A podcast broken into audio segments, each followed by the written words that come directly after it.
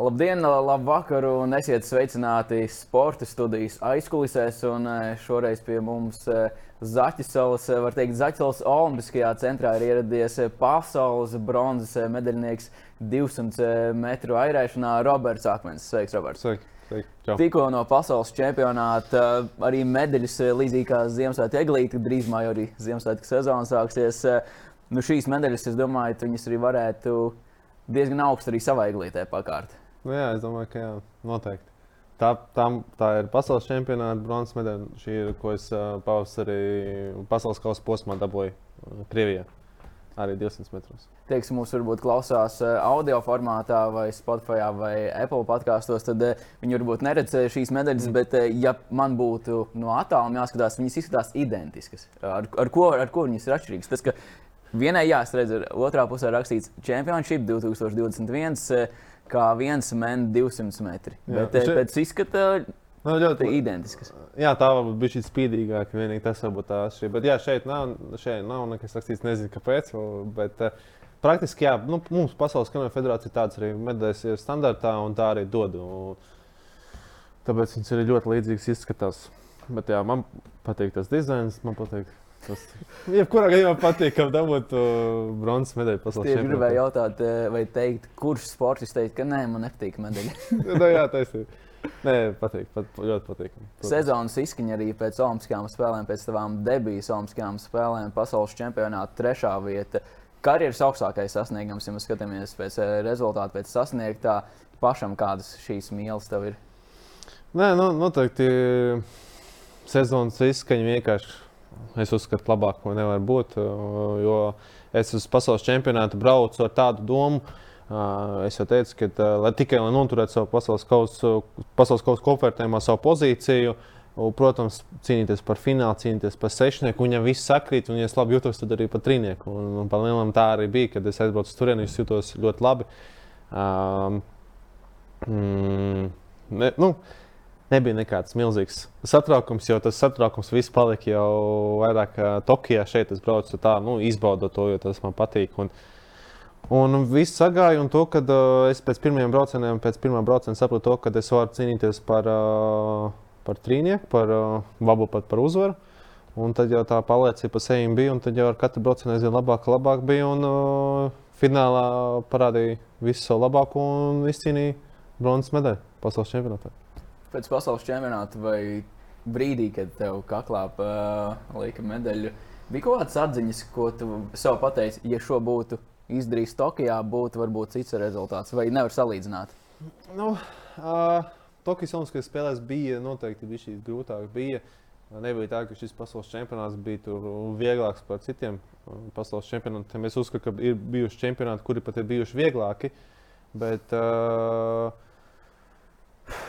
nezinu, nu, Tokijā es arī izdarīju visu, ko es, ko es varēju. Tur vienīgi varbūt tas, ka uh, varēja startā varbūt negulēt tik ļoti un nebaidīties no tā. Jo man bija tas, es saku, Tokijā man bija tas, ka es tajā pašā pirmajā braucienā uztaisīju to mazo falštartu. Un uzreiz otrajā, tajā nu, pašā braucienā otrs starts ir.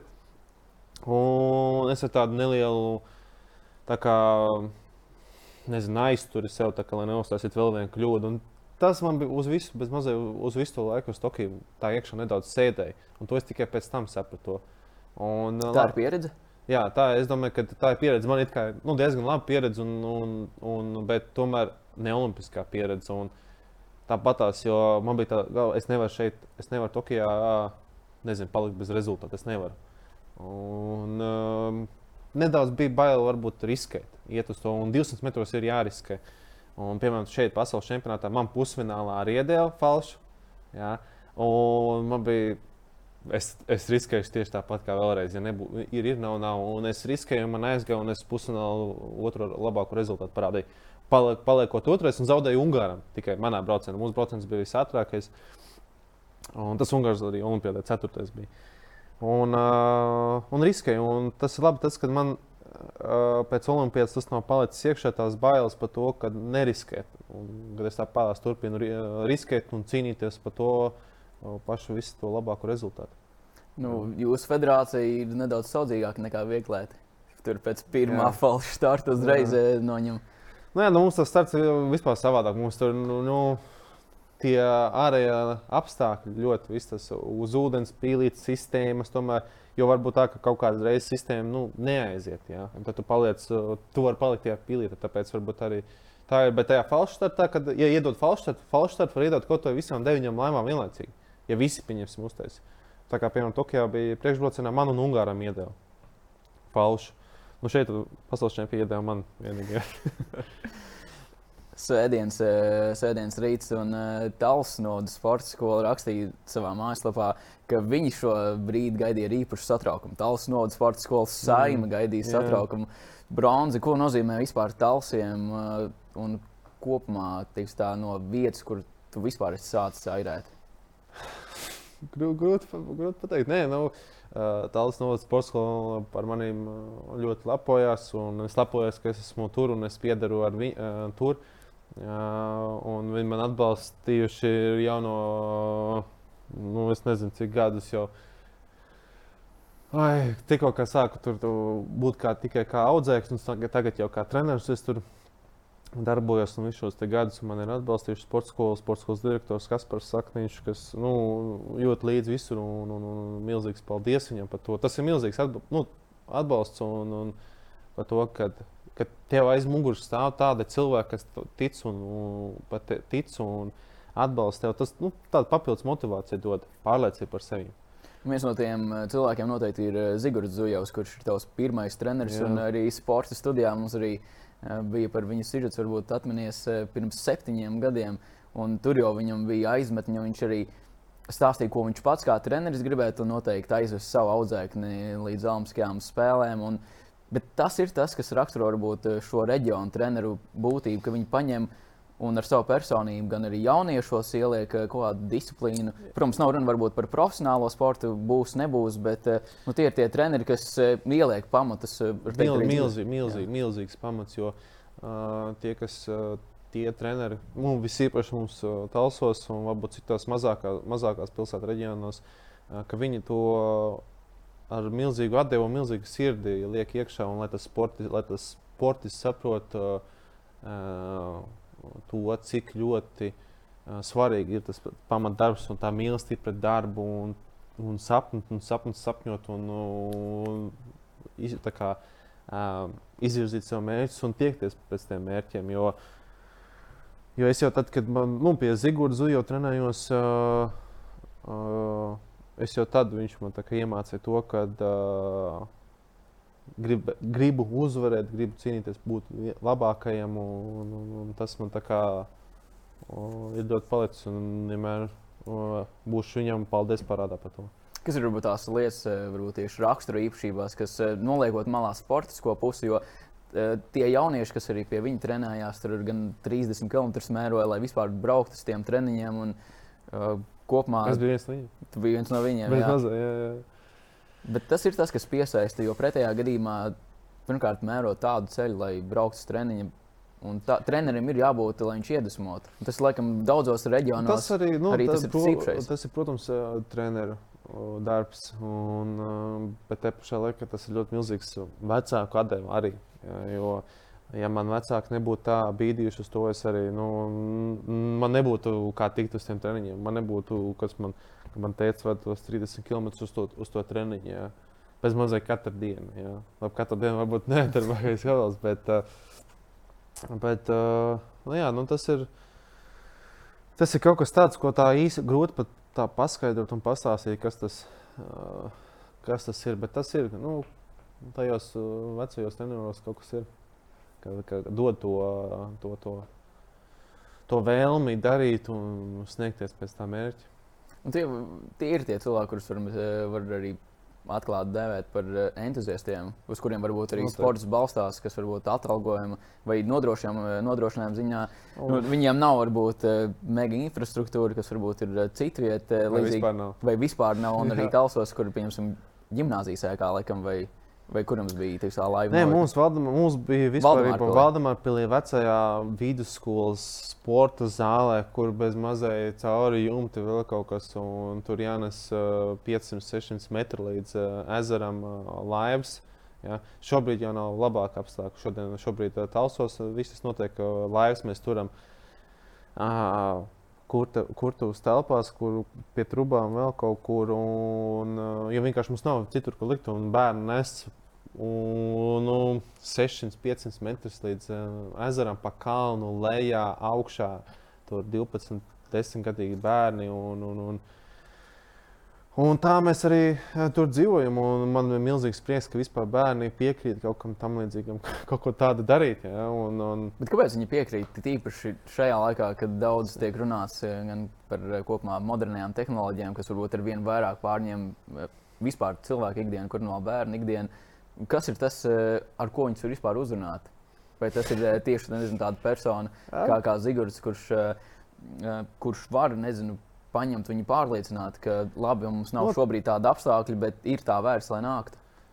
Jā, noteikti milzīgs darbs tas ir treneriem, to pārliecību un to teikt, to, ka tas ir. Un, un ies, kā, ne iestāstīt, bet pārliecināt bērnu to, ka tas būs tā vērts. Kaut kad labi, tas nebūs rītā, tas nebūs pēc mēneša, varbūt pēc gada, bet ilgtermiņā tas tev nāks par labu un to sa, ies, iestāstīt pārliecināt bērnu, tas ir ļoti, ļoti svarīgi. Un šobrīd arī Telsos. Es strādāju, treneris Velibors, Marinkovičs strādā, kas no Bosnijas ir. Un arī bērni nāk un priecājos, un paliek aizvien, bērnu aizvien vairāk nāk. Un, un ņemamies, un, un tas, ir, tas milz, ir, ir ļoti milzīgs darbs no, tieši no treneru puses. Un, un, un, un tas reizēm netiek novērtēts, jo tas atalgojums treneriem ir tāds, kāds viņš ir. Jā. Treneris no Bosnijas vēl atbrauc uz tādu nu, tur arī interesanti. Ir, uh, viņš uh, uz Latviju atbrauc mīlestības, bijušais kanoists. Uh, es ar viņu iepazinos tikai tāpēc, ka viņš uh, mācījās LSPA un viņš pie manas treneru gāja praksi. Mēs satikāmies, ļoti ātri sadraudzējāmies. Viņš pabeidza LSPA. Talsos uh, Man kolēģis Aiva Rodiņa aizgāja dekretā. Un vajadzēja treneru kādu. Es sports direktoru, ka man labs, labs uh, draugs, labs, ļoti labs cilvēks, ļoti labs treneris. Uh, brīvs, jo treneri Latvijā smaļošanā, kā nevērēšanā nav daudz, ļoti maz.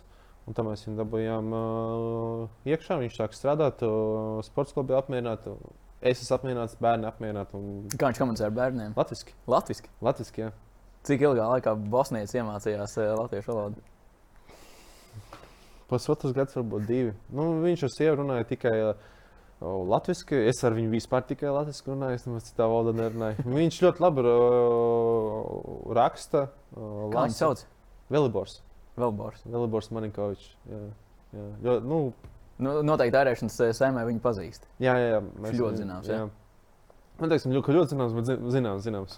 Un, uh, un, jā, un uh, es sporta skolā, kad viņi iepazīstināju, uh, viņi prasīja, kādā valodā viņš runā. Latvijasiski. Viņš runā latviešu. Sākumā bija grūtāk, bet tagad, aizvien, jo vairāk viņš praktizējas, jo aizvien labāk un labāk. Viņš arī tagad ar septembrī sāks strādāt, sāka strādāt Talsos par uh, sporta skolotāju vienā skolā. Tā kā. Vairēšana mīlestība.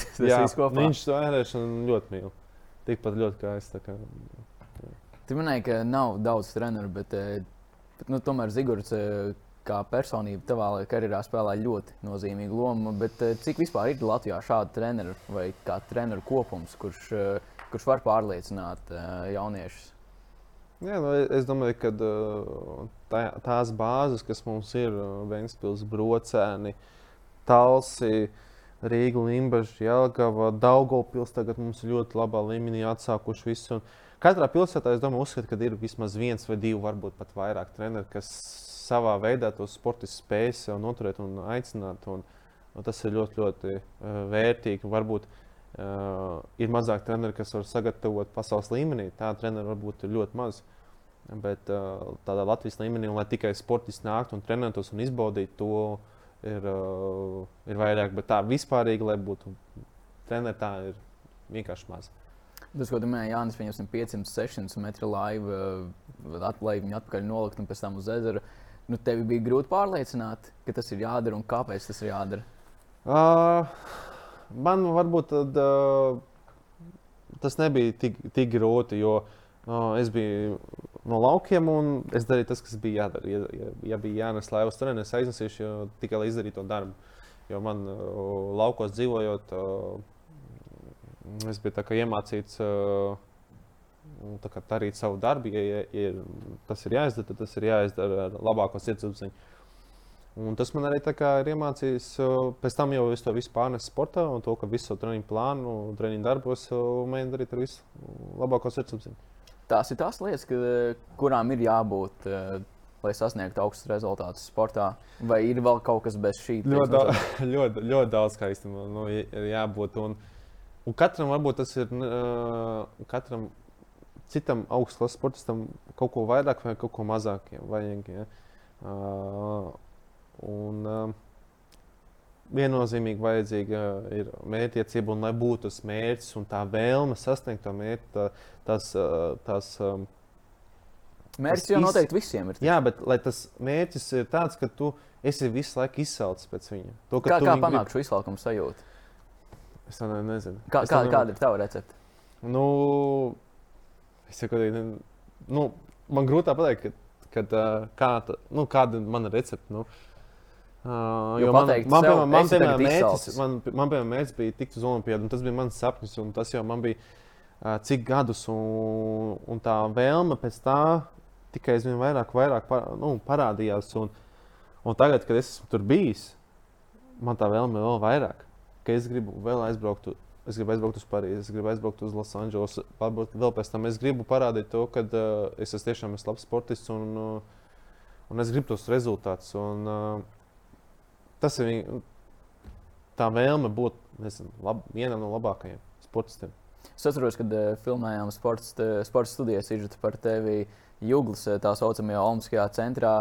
Apstākļi, kuros tu trenējies, viņi ir uh, maigi izsakoties ļoti pieticīgi. Un uh, papildus vēl tam rast motivāciju, lai sasniegtu augstākus mērķus. Nu, tur ir jābūt vai nu labā nozīmē slimam, par savu sporta veidu, vai, vai tur ir psihopātam, vai, jā, psihopātam vai kaut kādā veidā sevi apmānīt, ka šīs man palīdzēs, lai nokļūtu, pieņemsim, tādā gadījumā uz Olimpiskajām spēlēm, mm. un vēl pacīnīties par augstu rezultātu. Jā, nu, nē, tas vispār, tad, kad mēs taisījām to sižetu par, par Jugulu un kad sporta studiju muzinē un uztaisījām sižetiņu Man vispār pēc tā visa baigo motivācija. Es jau tad teicu to, ka tajā pagājušajā gadā, kad es izcīnīju sastāvu vietu pasaules kausā, tā man ir uh, sastāvu vietu pasaules kausā. Tas man deva tādu milzīgu mm, motivāciju, papildus uh, pārliecību par sevi, to, kad, uh, ka, jā, ka es esmu uz pareizā ceļa, kad man ir tikai jādara tas, kas man ir jādara. To, ko mēs ar treneriem to, ko treneris liek, jā, jāsaudzē savu veselību, un es varu būt tur. Jā. Kaut arī līdz galam uh, es jau neticēju. To, kad es pavasarī neticēju tam, ka man varbūt varētu izdoties uh, kvalificēt uz Olimpiskajām spēlēm. Es tam neticēju, bet skaidri es to vienmēr teicu, lai sev kaut kādā veidā to iestāstītu, to, ka Ko, sev, sev apmānīt. Pašapmāns, ja? Jā, kad es iekšā dziļi. Es, Nu, es par to mēģināju nedomāt, bet man nebija visu laiku tāda milzīga pārliecība, to, ka man tas ir izdosies. Tad, eh, kāda bet doma es... tad izgāja uz treniņiem? To, ka man tas izdosies. Es savus laikus teicu to, ka treni, ja šo treniņu izdarīšu, tas man palīdzēs. Um, kad uh, šis ir tas, kas man var aizvest uz Olimpiādi, bet vai tā tiešām būs, es nezinu. Bet ko teikt, pieņemsim, kāds būtu tavs padoms? Uh, jauniem atlētiem, ne tikai varbūt tairētājiem, bet eh, vieglētiem basketbolistiem, eh, hokeistiem, kas ir tikai savā ceļa sākumā. Kad nav vispār nekas apsolīts eh, hokeistiem, nezinu, ne NHL, ne vieglētiem medaļas Olimpiskajās spēlēs. Kas ir tas, kas tiks tā būtu no tavas puses viņiem vērtīgi zināt? Nu, tas, kas man, tad, kad es biju jaunāks, kad man nenāca šī šīs lielās sacensības, uzvaras un tā tālāk. Es nācu uz treniņiem tikai tāpēc, ka man tas patika. Un noteikti es iesaku visiem jauniem sportistiem darīt to, kas viņiem patīk. Un, ja viņiem tas sports patīk, viņiem tiešām to darīt ar, ar, ar visu sirdi un klausīt treneru. Jo tikko kā sportists sāks kļūt gudrāks par treneru, tad un tur nekāds rezultāts nebūs. Un tas ir ļoti svarīgi, jo treneris, jebkurā, lai arī kāds tas treneris būtu tur zinošāks, mazāk zinošs, viņam jebkurā gadījumā ir kaut kāda pieredze, kas viņš ar šo pieredzi tev spēs palīdzēt kaut kādā līmenī. Tev jānotic, ka viņš ir jātic. Ir jātic, ir jātic, jo man arī ir brīži, kad es strādāju ar savu treneru jau 7, 8 gadus. Aleksandrs Timoškevičs. Jā, jā. Un man arī, protams, ir kaut kādi mazi mirkli bijuši, kad es nezinu, vai tiešām treneris šis būs pareizais, ko mēs tagad darām, vai tas būtu pareizi. Ja viņš, viņš pasaka, jā, varbūt tas izskatās kaut kā, bet es zinu, ka šis būs labāk, šis palīdzēs un viss labi. Es to darīšu. Lai arī varbūt man pašam liekas, ka varbūt. Ka nē, varbūt tas nav. Man liekas, ka, ka neiet kaut kas kopā, bet es tāpat tās ticu, uzticos viņam. Un tas ir ļoti svarīgi, tā ticība trenerim. To, kad, ja es viņam ticu, viņš tic man, un tas vēl- vairāk ir viss tā, tas, tā motivācija, tā ticība sev, ka tu to vari. Bet tas, ko tu šobrīd saki, tā ir eh, pieauguša, nobrieduša cilvēka atziņa. Bet, eh, Varbūt tas tā. bet eh, 12, 13 gados ir īpaši, ka tev ir vecāks spiediens. Ir īpaši vecāki vēl eh, maksā par treniņiem, lai arī kurš sporta veids tas būtu. Uh, Atbildība pret vecākiem, treneris un tad šie kaut kādi elementi. Tas viss tā kā maisās vienā katlā. Un tad es nezinu, visticamāk, tas konkrētais jaunietis, bērns varbūt ka- šajā gadījumā, viņš varbūt ir pat apjucis. eh, No kuras puses tad, eh, kuras puses tiks nā pašam viņam kaut ko darīt? Ne, no, galvenais, lai tam jaunajam, jaunietim patīk to, ko viņš dara. Ja viņam, varbūt, ja kaut arī ja viņam nesanāk, bet ja viņam tas patīk, lai viņš to dara. Jo tas ir ļoti svarīgi. Jo uh, man bērnībā Oma teica, ka ga- vienalga, ko, lai, kur es strādātu, lai ko es darītu, ir kaut kas jādara tāds, kas tev tiešām no visas sirds tas patīk. Un man tā ir tiešām no visas sirds patīk, un uh, es izbaudu to. Tāpēc varbūt arī es esmu ticis tik tālu, cik es, es esmu ticis. Un to es noteikti nu, vēl jebkuram jaunieklim darīju to, kas viņam patīk, jebkuru sporta veidu, ko viņš dara. Uh, lai dara tas, kas viņam patīk, un no visas sirds to. Nu, Tavā gadījumā tas, šī pārēja un varbūt šī apziņa ir veiksmīgi nākusi. Bet, eh, ja tev būtu jāraksturo tas posms, eh, ja tu viņu atceries vispār, kad iekāp nākamajā līmenī, kad ar šo minimumu vai pamatlietu vairs nepietiek, lai cīnītos par augstu rezultātu. Jo, ja mēs paskatāmies uz pasaules sporta izcilniekiem, nu, viņi savā veidā viņus var uzskatīt eh, par atkarībniekiem. Sava sporta veida atkarībniekiem. Nezinu, Maikls Jordans, Kobe Bryants, uh, Lebrons James, labi, viņi ir basketbols, bet uh, tas, ko var palasīt, un tas, kā viņi bijušie komandas biedri izteicās, jums un Kobe arī trijos naktī cēlās, lai iet uz treniņu. Nu, es redzēju to. Jā, un tiksā, varbūt ir pat trakas pieejas, bet uh, viņi sasniedz to maksimumu un arī rezultāti runā paši par sevi. Uh, tev ir tas brīdis, kad tu pārlauzi un saprati, ka man ir jādara varbūt uh, vairāk, uh, citādāk. Nu, noteikti ir jādara vairāk nekā parastajam uh, sportistam. Tas ir viennozīmīgi. Un es jau to jau, jau, to jau daru. Uh, un, uh, bet, nu, Tā, bet, nu, tā piecīgi, Roberts. Domāju, domāju, šis ir tas ceļš, kurā tu jau vari būt uh, uh, atklāts par sevi un teikt, ka, jā, ka tas tev ir palīdzējis. Jo pretējā gadījumā nebūtu ne Tokijas, ne arī, ne arī bronzas pasaules čempionātā. noteikti, jo, jo, jo, jo tev visu ir kaut kādā ziņā jānopelna pašam. Tu, ja tev iedos, uh, nezinu, tu neko, labi, tā nevar teikt. Jā. Bet, ja tu pieņemsi, neko neesi bez mazai parādības, tad tev var ņemt to jaunākā lāma, jaunākais ērsts, viss, viss, viss tev ir. Ja? Bet tev nav tā, tā sajūta, ka tu to esi nopelnījis. Ja? Ka tu to neesi pats izcīnījis. Man, es, piemēram, savu sev pirmo jaunu, pilnīgi jaunu laivu dabūju 19. gadā, kad man teica, eh, pēc, pasaules, eh, pēc pirmā pasaules kausa posma nopirkt laivu. Pirmo reizi. Pilnīgi jaunu laivu. Man nekad nav bijusi. Uh, nē, man pirms tam bija divas pilnīgi jaunas laivas. Pirmā, ko man teica, uztaisīja, otrā, ko man viņš man nopirka. Un, um, at, un šogad, ko man Latvijas Olimpiskā komiteja nopirka. Bet līdz tam uh, nauda bijusi tik daudz, lai nopirktu lietot laivu. Ja? Bet ar to laivu tāpat es braucu un parādīju augstvērtīgu rezultātu.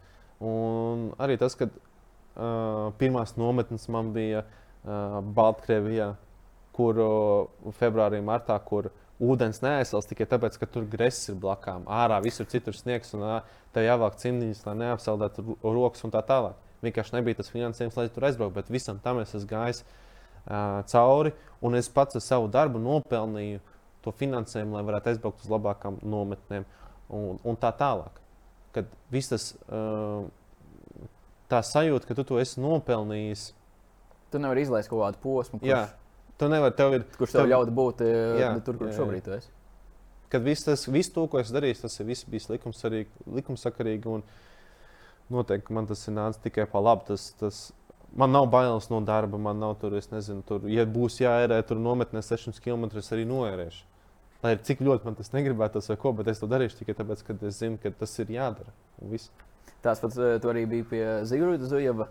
Vai tad bija vairāk tāds pašpuika? tā es vairāk biju tā, nu, tikai izbaudīju to, kas. Uh, Ka man, ka man tas patika. Man patika nometnēs, tur būtu patika. Airēt kopā ar, nezinu, ar meitenēm, arī kuras kas trenējās.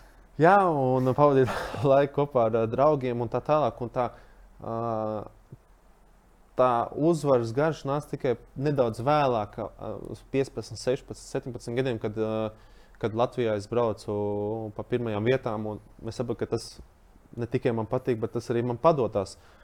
Ka man ir talants, un jau tālāk jau viss. Un, kad es aizbraucu uz pasaules uh, čempionātu pirmo reizi, 16 gados, uh, redzēju, kas tur notiek, kā tas viss ir.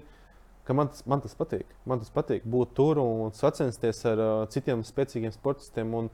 Tālāk jau viss bija tā, kā tam bija jābūt nedaudz pārlicot uz priekšu. Olimpiskās spēles un uh, airēšana ir kopā. Un, sakot, airēšana prātā ir Olimpiskās spēles un, un, un otrādi, jo pēc būtības airēšana pastāv tikai tāpēc, ka ir Olimpiskās spēles un airēšana vispār, ja palūkojamies vēsturē, tad bija plānā jau pirmajās eh, modernajās Olimpiskajās spēlēs 1896. gadā. Un pēc tam, eh, nu, pirmajās laikam viņa nebija, bet pēc tam visu secīgu laiku bija. Ja mm. nebūtu Olimpiskās spēles, nebūtu airēšanas. Cik varbūt organizēta un sistemātiski ir airēšanas eh, kopiena eh, bez olimpiskajām spēlēm, vai tur tiešām var arī kaut ko sasniegt, eh, tīri arī uh, finansiāli, lai varētu nodrošināt savu dzīvi? Nu, ja tu esi olimpiskais medaļnieks, tad tu kaut kādu naudu noteikti vari nopelnīt. Bet uh, tu ar mūsu sporta veidu smaļošanu, tu tā kā milzīgi naudu nevar nopelnīt. Bet, uh, Kaut kādu, nu, protams, kaut kādu naudu tu vari nopelnīt. Ja tu bez mazliet katru gadu nes medaļas mājās, tu, protams, vari kaut kādu naudu nopelnīt. Bet uh, uh, es par to naudu tik ļoti nedomāju. Protams, finansējums ir ļoti svarīgs, nauda ir ļoti svarīga. Bez viņas šobrīd dzīvē nu, nekādīgi. Bet, uh, ja tu par viņu visu laiku tikai domā, tad tas arī tev pa labi nenāk. Es tā kā, ja būs, ja tu to izdarīšu, labi, tā arī nav. Ja? Bet uh, nu, nav tā, ka man mērķis ir uh, šobrīd vismaz nav mērķis nopelnīt uh, miljonus ar to. 25 gadi tev šobrīd uh, skaties, jau teorētiski jau aiz horizonta jau arī 30 gadu slieksnis, kas kaut kādā mērā ir šī robežšķirtne. Uh, tu kaut kādā mērā skaties uh, nākamajā nodaļā, kas varētu būt pēc airēšanas, vai arī jau paralēli kaut ko jau mēģina varbūt pat uzsākt, iesākt. Jo vienā brīdī tas viss beigsies. Un kas tālāk? Jā, diemžēl.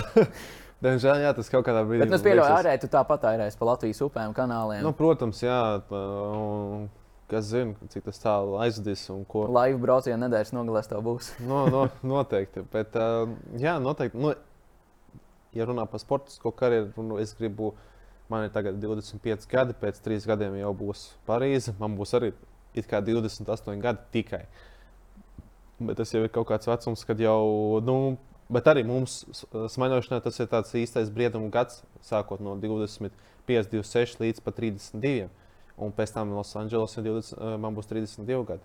Un teorētiski arī 36 gados var braukt. Un Rimants jau ir 35 gadi, viņš skatās uz Parīzi. Un, un viņš ir ļoti labā līmenī un noteikti uz Parīzi arī vēl projām būs ļoti labā līmenī. Tā kā, kas zina vispār, kad es beigšu? Bet, um, jā, noteikti es savu dzīvi noteikti gribu saistīt ar, ar smaļošanu, ar kanoērēšanu. Kas zina, varbūt visus šos gadus, kamēr aktīvi sportošu, nedaudz strādājuši telsos par treneru, cik es varu. Kas zina, varbūt pēc karjeras, varbūt tās strādājušos nezinu, ar kaut kādu citu lielo valstu izla, izlasēm, junioru izlasēm, varbūt ar pieaugušiem.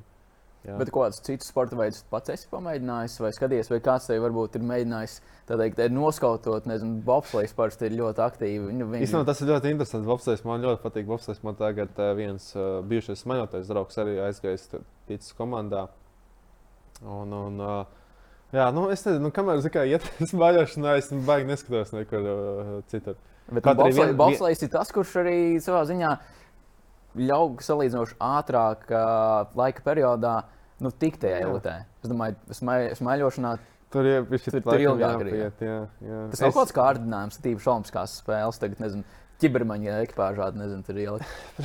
Nē, protams, ir, bet tur vīri ir tā kā skāpji. Jā. Ja, tu, tu, es domāju, ka tu, tu, kā, nav grūti, man būtu grūti kamerās iesaisties ar saviem pleciem. Tur man būtu tā jāapsēs. Nē, tā kamerā es esmu sēdējis vispār, lai brau, nobrauktu lejā. Es esmu, un tas ir kaut kas ļoti ekstrēms. Testos es biju? Es ne, te, ne testos, bet uh, uh, vienkārši uz vienu pasākumu bija, kur man teica, bija uzliecināts, un tam mēs arī tikām tajā Bobī. Pirmais un ceturtais numurs bija bobslīsti.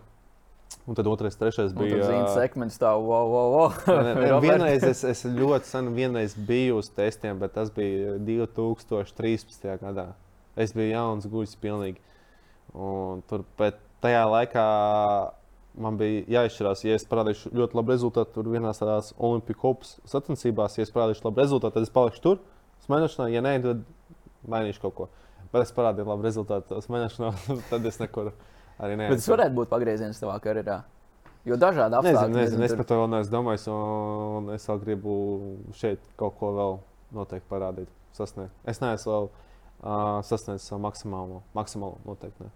Bet kam ir jābūt, lai, nu, labi, mēs tagad aizrunājamies par bobsleju, bet, nu, tiešām, nezinu, zīmes sekmens atnāk un kas viņam ir jāpiedāvā, vai kādiem apstākļiem. Kas viņam dāvā jāpiedāvā, lai, labāk, lai viņš, labāk, lai viņš neko nepiedāvā.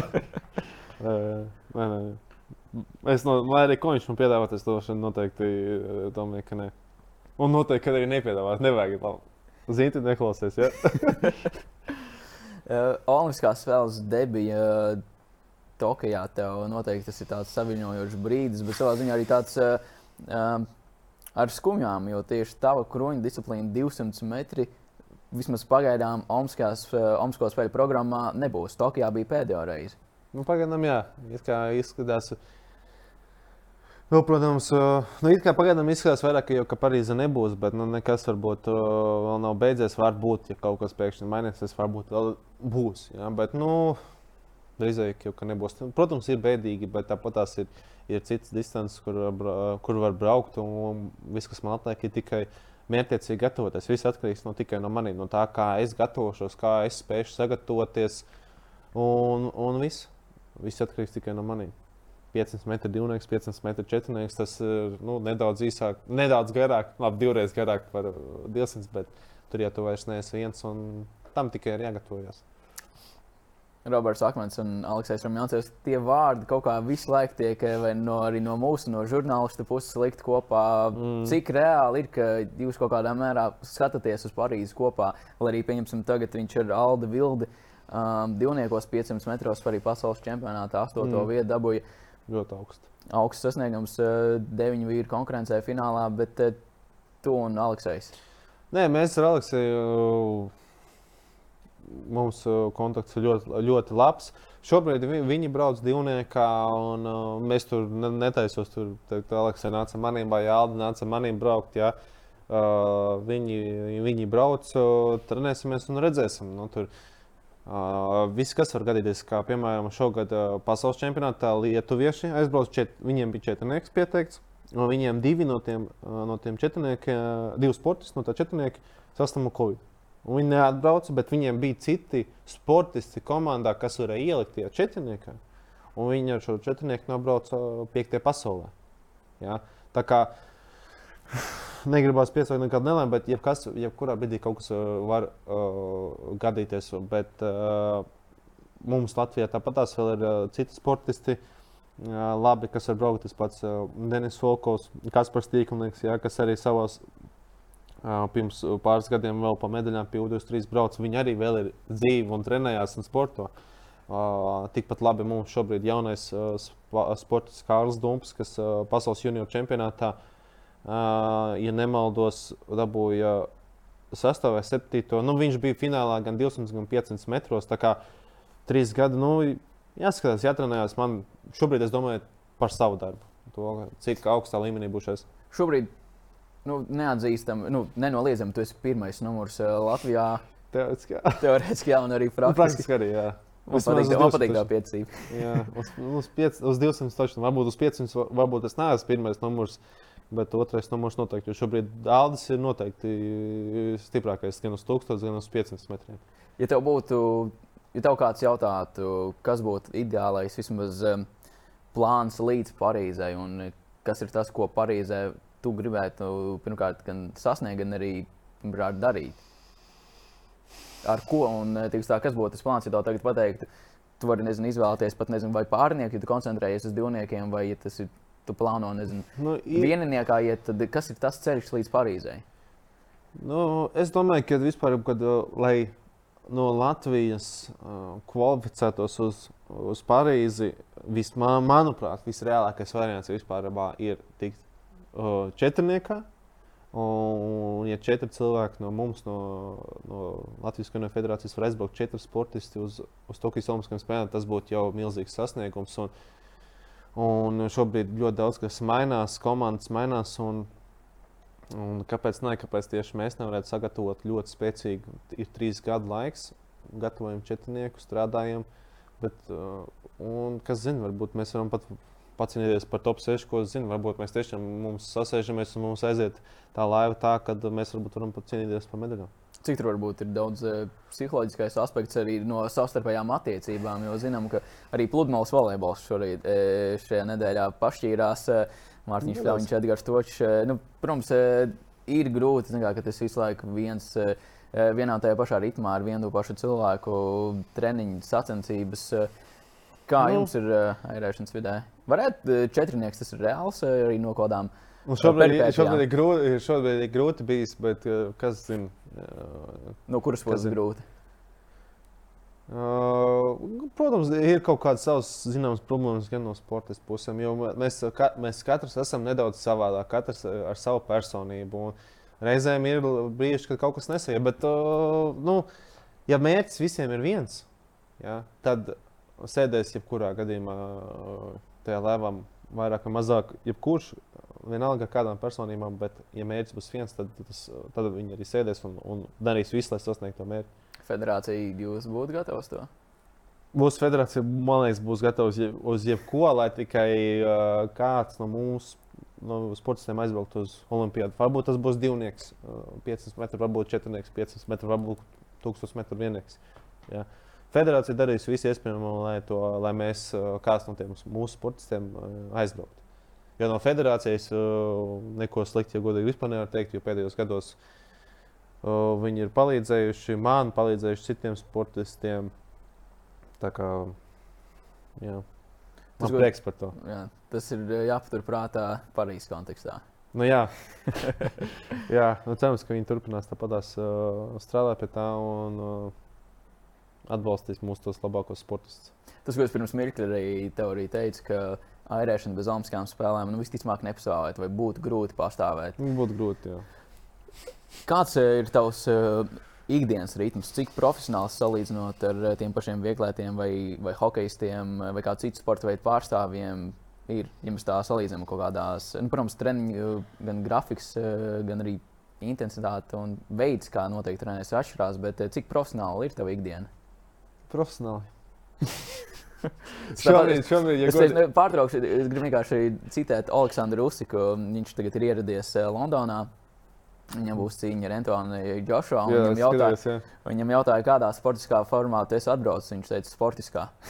tur, un tur arī saka, kādā, kādā, līmenī. kādā līmenī trenējas profesionālā. Jā, nu, nu, kā, nu, nu, tur... Rakstur varbūt eh, savu tipisko ikdienu pirms Olimpiskajām spēlēm. Es pieceļos no rīta. Es domāju, tā, es domāju, ar to šo daļu daudziem sakrīt. Eh, ikdiena. Jā, es domāju, ka viss ceļās no rīta. Nē, nu, ko? Jebkur, man liekas, nekāds tāds Uber krusts, nekas cits, ne, kā savādāk citiem sportistiem nav. Brokas, treniņ, iedot priekšstatu, lai, lai cilvēki, kuriem varbūt tairēšana ir tikai reizes četros gados Olimpiskajās spēlēs, kad viņi iestrādāja Latvijas televīziju un skatās, o, jā, Latvijas šajā gadījumā Roberts Akmens. Atkal piecēlies no rīta, paiet brokas un aizgājis uz treniņu. Jā, nu, Nē, no ko ikdienā, vasaras periodā taisa divas, trīs treniņas dienā. Mm, Agri ceļos, pēdu brokastis, braucu vasaras periodā vairāk. Tas ir uz jūrmā, braucu uz treniņiem. Vien, pats braucu vai kopā ar, treniņu, ar treneri. Uztaisām vienu vai divas treniņus no rīta, atpūšos pa dienas vidu. Bet kādi ir tie treniņi? Uz ūdens. Pārsteidzoši, šokējoši. Nē, nu. Atkarībā no kāds uh, periods ir. Ja ir sacensību periods, tad viņi ir vairāk tādi intensīvāki, īsāki. Ja ir sagatavošanās posms, tad viņi ir garāki. Ja. Uh, tagad arī pieņemsim, no, es līdz apmēram līdz oktobra vidum nedaudz atpūtīšos, beidzot. Uh, bet pēc tam jau atsāksies kārtīgs treniņu process. Un, uh, tur atkal būs jau, jau treniņi būs līdz divām stundām un pat ilgāk. Ja. Ziemas periodā uh, slēpot cik vien daudz varu. Uh, rudenī, ziemā, pavasarī eju peldēt, skrienu, svaru zāles. Nu, es daru ļoti daudz, lai tikai savu fizisko sagatavotību paceltu aizvien labāk un labāk un, un, un tā tālāk. Vasarā, protams, vairāk tikai ārēšana. Kāda raksturama, raksturama lieluma? Cik pieņemsim kilometrus noērē, nezinu, vienā sezonā vai tā vienā treniņa periodā? Nu, nezinu, man pavasarim sākoties jau kaut kādam mm, februārim, vai mārta sākumā man jau tad jau ir 1000 km pāri. Nu, maijam tuvu pie 2000, nu, es nezinu, nu, no 3 līdz 4000 km vajadzētu būt gadā točno. Tā neaizstāv, saskaitīs īstenībā vajadzētu, bet uh, jā, nu, daudz, daudz tūkstoši. Jā. Latvijas ūdeņi vispār ir piemēroti, lai sagatavotos uh, gan Olimpiskajām spēlēm, gan vispār, par, lai mēs varētu runāt par augstu sasniegumu. Noteikti, jo vasara mums ļoti pateicīga. Viņa nav. Bet viņa ir ne... īsa. Nu, viņa ir īsa, jā, tas vienīgais. Bet parasti mums visas tās sacensības notiek uh, vasarā. Uh, vasaras periodā var mierīgi būt tepat Latvijā, gatavoties tam. Uh, jā, tur ziemā, pavasarī ir jāizbrauc, gribi vai negribi. Ja tu gribi re labu rezultātu, tev ir jāizbrauc uz nometnēm, jo jā, tev jau ir jākrāj savu bāzi, jākrāj kilometru, jā, jāstrādā. Un, nu, to, diemžēl, nevar Latvijā izdarīt. Tur tev ir jāizbrauc uz ārzemēm un jādara. Kas ir ekstrēmākie laikapstākļi, kuros es trenējies? Jo zinām, ka uh, slavenajās nezinu, skatītāji kādreiz ir viesojušies uh, Juglas Olimpiskajā centrā. Viņam, uh, lai kliedētu, varbūt uh, kādas šaubas, viņam nav oficiālā Olimpiskā centra status. Tas ir Roberta. Kā nav, ir gan. Pašpasludinātais. uh, bet uh, kas ir tie ekstrēmie laikapstākļi, kādos tu esi aizvadījis treniņus? Uh, nevis tāpēc, ka. Uh, Pēc būtības, jā, tāpēc, ka citu apstākļu nav, tāpēc, ka ir jāiet un nu, jāiet. Tāpēc, ka tas ir jāizdara. Jā. Uh, ir visādi ir bijuši tā, ka Baltkrievijā ir bijusi nometnē, kad uh, ārā ir minus 10, minus 15 grādi, kad tu aizskrien uz treniņu, uh, izēju uz ūdens, ātri, ātri airē, lai tikai tev būtu silti. Nevis tikai tāpēc, lai tu noērē, bet lai tev būtu silti, ka tev laiva viss ir absolūti no tām piliem, no pilītēm, ko tu esi ērējis. Uh, uz laivas ir sapilējis virsū, un tā laiva paliek aizvien smagāka un smagāka. Un tu izkāp no laivas, un uh, laivu iznes ārā, un viņi visi ir ledā. Un tu viņu nevari nodalīt, nostāties, ka ir sasilus vienkārši. Un tad nāc nākamā dienā uz termiņu, un viņi, tā laiva vēl projām ir tikpat smaga un ar ledu. Un tu ej un dari vēlreiz to pašu. Man vēl bija situācija tāpat tās lielupē, ka tikko, tikko ledus ir nosalis. Un ir protams, augsts laiks, tur pie, nu, pie nulles vai daži mīnus, un mēs braucam. Un zemlēts makšķernieks turpat bez mazai blakām uz ledus sēž, un es piebr varu piebraukt pie viņa, tur metrus desmit no viņa un prasu, ko tu dari. Tu... Zinu, viņš jautā, ko tu dari. Jā, man jau traucē makšķerēt. Tā kā nu, visādi interesanti, bet uh, tas augstums tev tā kā noroda. Nu, Juglā arī tagad es uh, līdz oktobra beigām, novembrim varbūt airēšu tikai Juglā. Uh, Un arī tur es aizbraucu, jau saģērbies uz treniņu, aizbraucu, ātri iesildos, uzēju uz ūdens, atstrādāju un kāpju ārā. Ātri pārķerpos un brauc mājās. Jā. Šobrīd tie, kas mūsu klausās, eh, noteikti skatās gan kalendārā, gan arī termometra stabiņā, jo daudziem nu, tur... nav pieslēgta apkūra. Viņiem tagad iedomājieties, ka novembrī vēl tu airē. Bet, nu, jā. uh, Nē, tāpēc, nu, protams, ir visādos milzīgos lietos, vējos, un tie laikapstākļi ir bijuši tik daudz dažādi. tev ir kādreiz iepūtuši jūrā. À, nē, nē, nē. Nu. Es, es pats, es pats esmu ierē- ierējis jūrā. Apzināti. Bet- Nu, apzināti, jā, bet tā iepūta. Nē, tā motoks turīt. Es apgriezīšos un braukšu ārā. Nē, vai tik spēcīgs vējš, kad nezinu. Nē, nē, nē, nav tik. Es vienmēr esmu bijis bijis spēcīgāks par vēju. Tik stiprs vējš mums vēl nav bijis. Ne. Bet eh, tieši jūgli ir ļoti pateicīgi, jo no turienes var eh, aizērēt līdz pat eh, līcim. Jā, tur var, tur var. Nu, Tas jūgli, ir savienots gan ar ķīsažaru, gan Baltazars, mazajā Baltazarā, lielajā Baltazarā arī var ierēt Jūglas ezerā. Kaut arī Jūglas ezerā nedrīkst ierēt. Ā, Bet tā, jā, tur Jūglā tādā ziņā pateicīgi, ka tur nekad nebūs garlaicīgi. Tu vari aizēt vienalga uz kur pusi un brauc tikai taisni. Jā. Kā Tur man tur patīk. Tur ir maigi, mierīgi. Neviens tev netraucē klusums. Tu nāc, kad tu ej, kad tu gribi. ā, Ej prom, tad, kad tu gribi. Vienīgi tas, kad augsts tur ir. Tas tas mīnus, jā. Bet vispārējais man tie plusi vairāk patīk.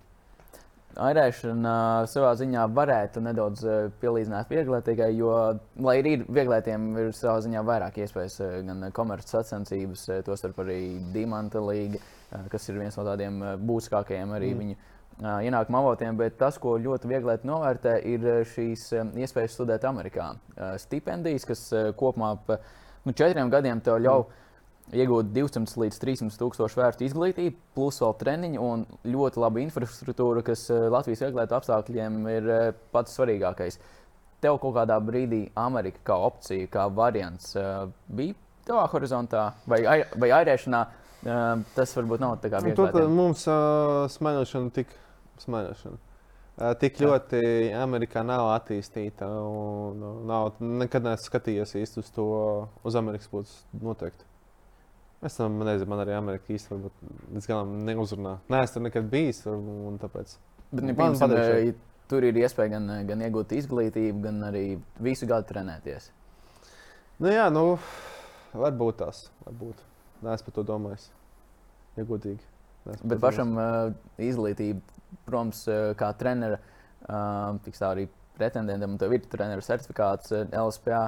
Gan arī es vēl mācos. Ah, vēl mācies, ja? Es vēl mācos, jā. Nu, Tad jau jā, jānovēl, lai izdodas sesiju nokārtot. Vai tagad Jā. sākās tieši jaunais? Nu, tagad uh, man šodien, es šodien skolu brauk, aizbraukšu. Nu, tagad uh, man bija akadēmiskais gads, gatavošanās uz Olimpijādi, un tad šogad, uh, tagad ar septembrī, nu, tagad pēc pasaules čempionāta atsākšu mācības un mēģināšu nokārtot to visu. Un, jo vajag to certifikātu, un, un ir jāmācās. jāmācās ir. Bez uh, treneru certifikāta vēl ir kaut kas tāds, ko tu gribētu, piemēram, izglītības kontekstā iespēt. Uh, nezinu, par šobrīd visādi aizdomas, nu, ir visādi varianti, bet šobrīd es gribu pabeigt to. Jā. Uh, Un tad jau pēc tam, do, pēc tam arī domāšu.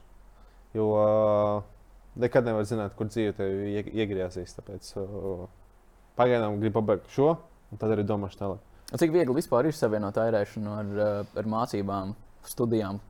Un darbu grūti. grūti. Kaut, tu tā kā nevari būt pilnvērtīgi.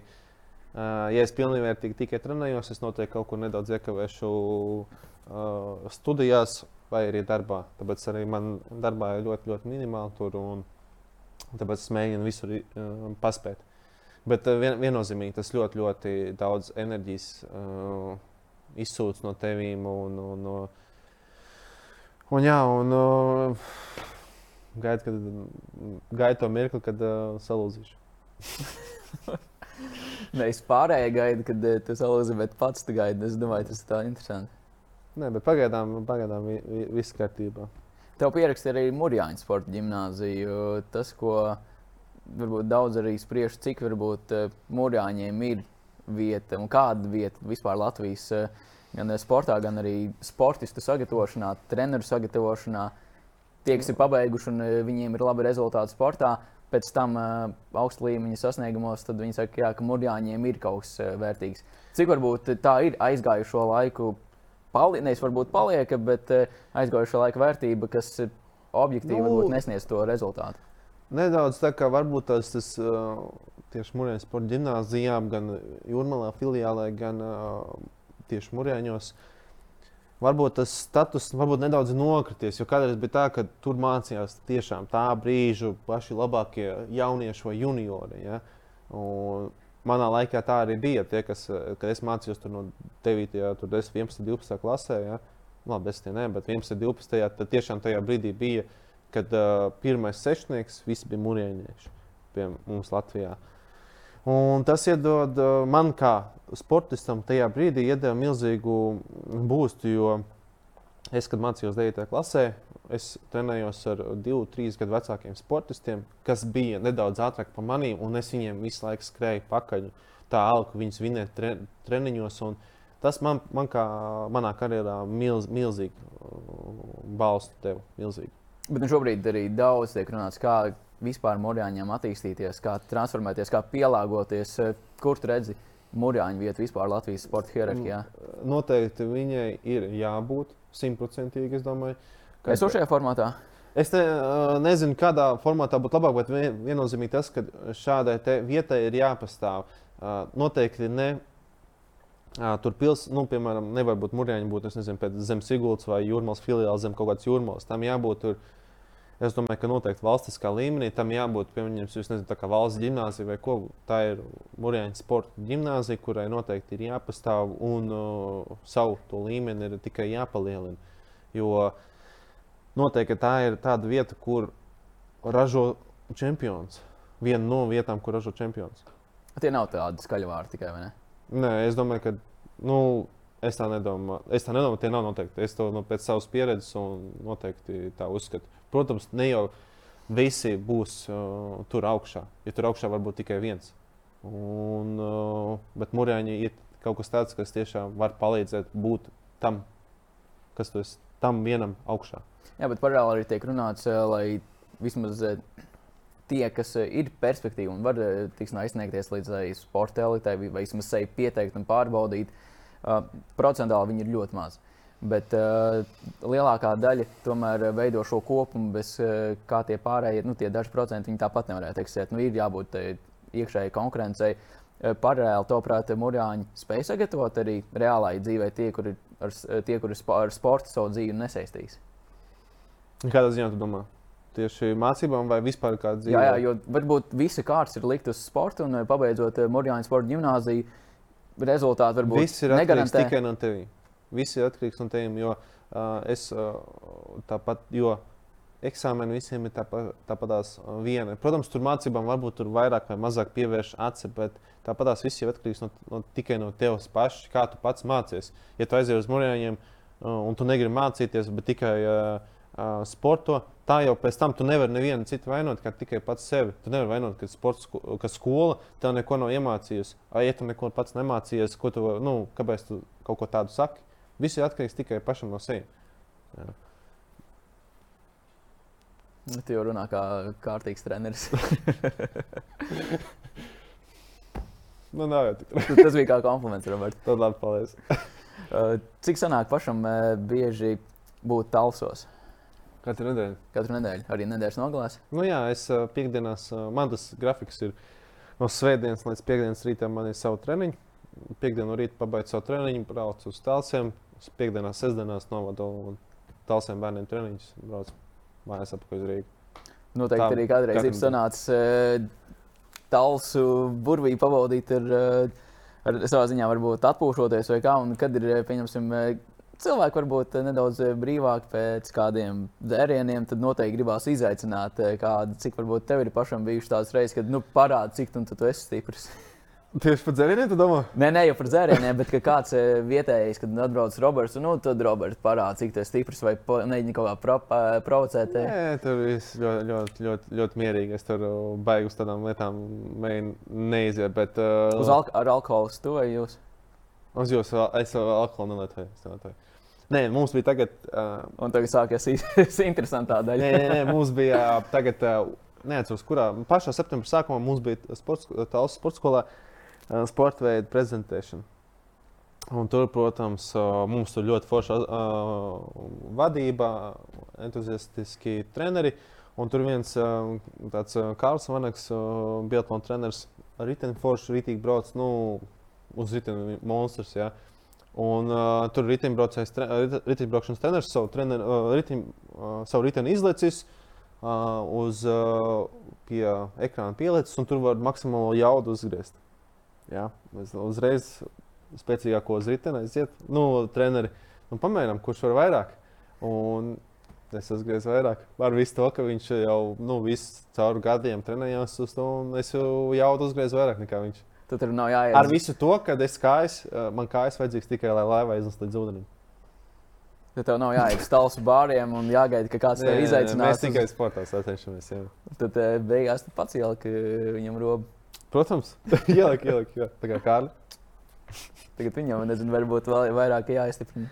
Nē, es domāju, ka viņš noteikti šobrīd trenējās kārtīgi, lai tikai man pārspētu. Viņa dzīves mērķis. joki, joki. Cik varbūt tavs eh, skats ārpus vairēšanas ir eh, arī uz citiem sporta veidiem? Cik tu vispār pats pasako līdzi kaut kādam? Nu, es ļoti, man ļoti vispār tas sports patīk, un es sekoju līdzi, un vienmēr sporta ziņas lasu un skatos. Un sekoju līdzi, man ļoti basketbols patīk. Sekoju līdzi NBA visu laiku, visām. Nu, Kā tu prognozēji Kristēna Porziņa sezonu? ja viņam pados bumbu, tad labi. Ja, ja, ja viņš paliks uh, Maverikos, viņi jau tur kaut ko domā, mainīt, nemainīt. Es domāju, jebkurā uh, gadījumā, ja arī viņa aizmainīs, jebkurā komandā, kur viņš spēlēs, viņš var spēlēt ļoti labi. Un, uh, tur, ja Dončis pados bumbu, tad viņš ļoti labi var spēlēt. Jo tu visu kaut ko, ko esi dzirdējis par Dončišu, tas nu, nav tas pats labākais. Jā. Man pašam, ja godīgi, Dončis nepatīk. Tu viņu nesatiki? Jā, nesatika, es maz negribēju. Bet, uh, Edgars Točs viņu satika vakariņā. Jā, es zinu, es zinu viņš mums man Edgars stāstīja. Bet uh, Porziņš, jā, es saku, noteikti sacensībām uh, viņa spēlēm līdzi. Es gribu, lai viņš spēlē un tanko un viss trīnīši. jā. Pašam ir Es izdevies ar viņu satikties. Nē, nav, nav, vēl nav. Pamaini, parādīt, kā tu trenējies, nezinu, varbūt aizvedīt kopīgas treniņus. Lai gan viņam būtu grūti iekāpt tavā laivā. Viņam būtu ļoti grūti, jā. jā. Bet viņš varētu teorētiski izmērt atļauju, lai viņā iekāptu. Nē, viņam, nē, viņam taču nē. nē. Bet uh, es domāju, ka es viņu varētu apspēlēt. Jo es, baska, es basketbolu labi spēlēju. jā. Basketbolu, es ļoti daudz spēlēju. šobrīd, Robert, eh, mēs varam iepauzēt, ievilkt telpu, un tad uh, tu vari pateikt, es izaicinu tevi, Kristofā. Ja, es viņu varētu izaicināt, bet vai viņš piekristu, es nezinu, tā ir jā. Bet, jā. Nē, tā būtu forša. Man, man, man, man basīts ļoti patīk. Arī nometnēs, kad ja ir iespēja, mēs spēlējam basīt. Arī kaut arī ar visu to, ka 20 km noērtējiem spēlēt basīt pēc tam. Bet tā, jā, arī nu, visam citām, citiem sporta veidiem. Arī. Lielais Saku- boks. tos- Jā, arī ļoti man patīk. Ļoti sekoju līdzi. Tagad interesanti MMA.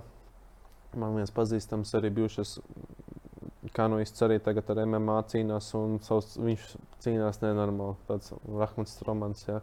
Sanāk, ka smaiļotāji iet gan uz bobsleju, gan uz MMA. Ja? Nu, jā, nu, viss kaut ko. Jā. Kā, jā. Nē, sekoju, sekoju līdzi. Jā. Ko, ko prognozē briežu cīņā. Mm. Cerams, ka nezaudēs. Nē, es domāju, ka vajadzētu viņam, viņam vinēt, ja viņš joprojām ir. Ja viņam ir tā vēlme uzvarēt, tad es domāju, ka viņš noteikti uh, uzvarēs. Kas varbūt no šiem sporta veidiem vai sportistiem konkrēti, lai arī, protams, nevar salīdzināt eh, viņu uh, treniņu specifiku, bet kas ir tas, ko tu varbūt, uh, no, varbūt pieejas paņem, vai vispār var kaut ko pats, vai tev ir kaut kāds uh, gan personības augs, ko, ko tu esi analizējis un mēģinājis saprast, kāpēc viņam sanāk. Um, katrs mēs esam savādāki. Jā. Un viss atkarīgs no paša. Viss ir atkarīgs no katrs ir pats savs laimes kalējs. Jā. Tu vari pasīties tur, bet tu nevari. Tas nenozīmē, ka viņam tas strādā. Tas nenozīmē, ka tev arī tas strādās. Tad tev vajag, tu vari, protams, to pamēģināt. Un, ja tev tas strādā, tad turpini to darīt. Bet tāpat tās tev vajag atrast, atrast savu. Jā. Ja citam, kam varbūt tās, es nezinu, tur. Um, Tur vajag vairāk svaru zāles, kādam vajag mazāk, kādam vēl kaut ko vēl tādu. Tas ir viss ļoti individuāli un tikai no sevis paša atkarīgs. Ir. Tā kā- Bet tā Elke tā ļoti ilgi. Neko. Jā, stāv, paveic, paveic. Labāk neko. Nē, zini, neko. kā ja tas iesācis, tad paveic. Nē, nu, ir, ir sportisti, uz kuriem es skatīju, skatīju sekoju līdzi, un tas pats Usēns Bolts. Jā. Un uh, Kobrājans un visi. Un tie ir tādi sporta leģendas, uz kurām tiešām ir jāskatās, jāsako, kā, kā viņiem tās gaitas ir gājušas un kā viņi to. Un, nu, esam Tokijas Olimpiskajās spēlēs. Šī bija citāda olimpiāda krīzes Olimpiskās spēles, gan arī reāla krīzes. Jā. Uh, bet tas, ko piemēram arī citi Latvijas uh, olimpieši ir teikuši, ka nereti tev pat uh, nav jārunā uh, šajā gadījumā ar Usainu Boltu, bet ir daži vieglēti, kas viņu ir satikuši Olimpiskajā ciematā, bet tu pat pāri viņam garām. Un tas, ka tu esi vienā Olimpiskajā ciematā, vienā ēdnīcā, tas tev. Lai cik tas savādi neizklausītos, bet tas tev kaut kā motivē. Tas vai... ļoti jocīgi. Tev pašam Tokijā ļoti... bija kaut kāds, varbūt, kaut kāds epizodes līdzīgs. Nu, nu, bija jau tas, kad uh, tiem pašiem smāļotājiem, jo tur mums ir tādi medaļnieki, kuri no Atenas Olimpiskajām spēlēm, Pekinas Olimpiskajām spēlēm, katrā olimpiādē ir dabūjuši medaļas. Un, kad es arī esmu šeit tagad kopā ar viņiem un sacenšos un uzvaru. Ja? Jo mums bija uh, Francūzs, kas Rio Olimpiskajās spēlēs izcīnīja otro vietu, viņš palika aiz maniem. Ja? Nu, tas ir vispār tā sajūta, ka tu esi tur un ēd pie viena galda, visi tie sportisti. Un, un tu, kad es esmu tur, tajā Olimpiskajā ciematā, un tu saproti, ka tu esi. Tu, tu reāli esi viens no pasaules vislabākajiem sportistiem. Tas ir ļoti vārdiem neaprakstām un, un patīkam. Un tas ir nu, kaut kas tāds, ko es noteikti jebkuram sportistam, kas iet uz to, sasniegt un izbaudīt. Tas ir kaut kas wow. Roberts, es novēlu, lai tas uh, dārga akmens. uh, tas, ko tas to, to pats uh, tēmē, lai tev viņi izdodas sasniegt un ceļā uz to. Kad tas notiks, uh, vai tas notiks, tas tikai noteikti pašs atkarīgs. Tieši tā. Es būšu tagad iemācījies arī šo apziņu, kas jā, ir dzīvē ir, ļoti jā. labi pielietojama. Paldies, Robert, ka atvēlēji laiku, lai varbūt Juglas Omskais centrs tevi Uh, tā ar laikapstākļiem nebiedē un izdodas varbūt pārēt vēl piecīt, pie, pieklājīgos laikapstākļos, lai neaizsals tik ātri. Jā, bet, uh, es domāju, tāpat izlozīs savu ceļu un uh, to ledu. Tieši tā. Paldies! Jā, tā. paldies. Paldies, ka skatījāties sporta studijas aizkulisēs. Droši arī šo epizodi jūs varat klausīties arī audio formātā, gan Spotify, gan arī Apple podkāstā. Noteikti sekojam līdzi arī Latvijas sportistu gaitām gan šajā nedēļā, gan arī turpmāk. Un tiekamies jau nākamajā epizodē. Visu labu!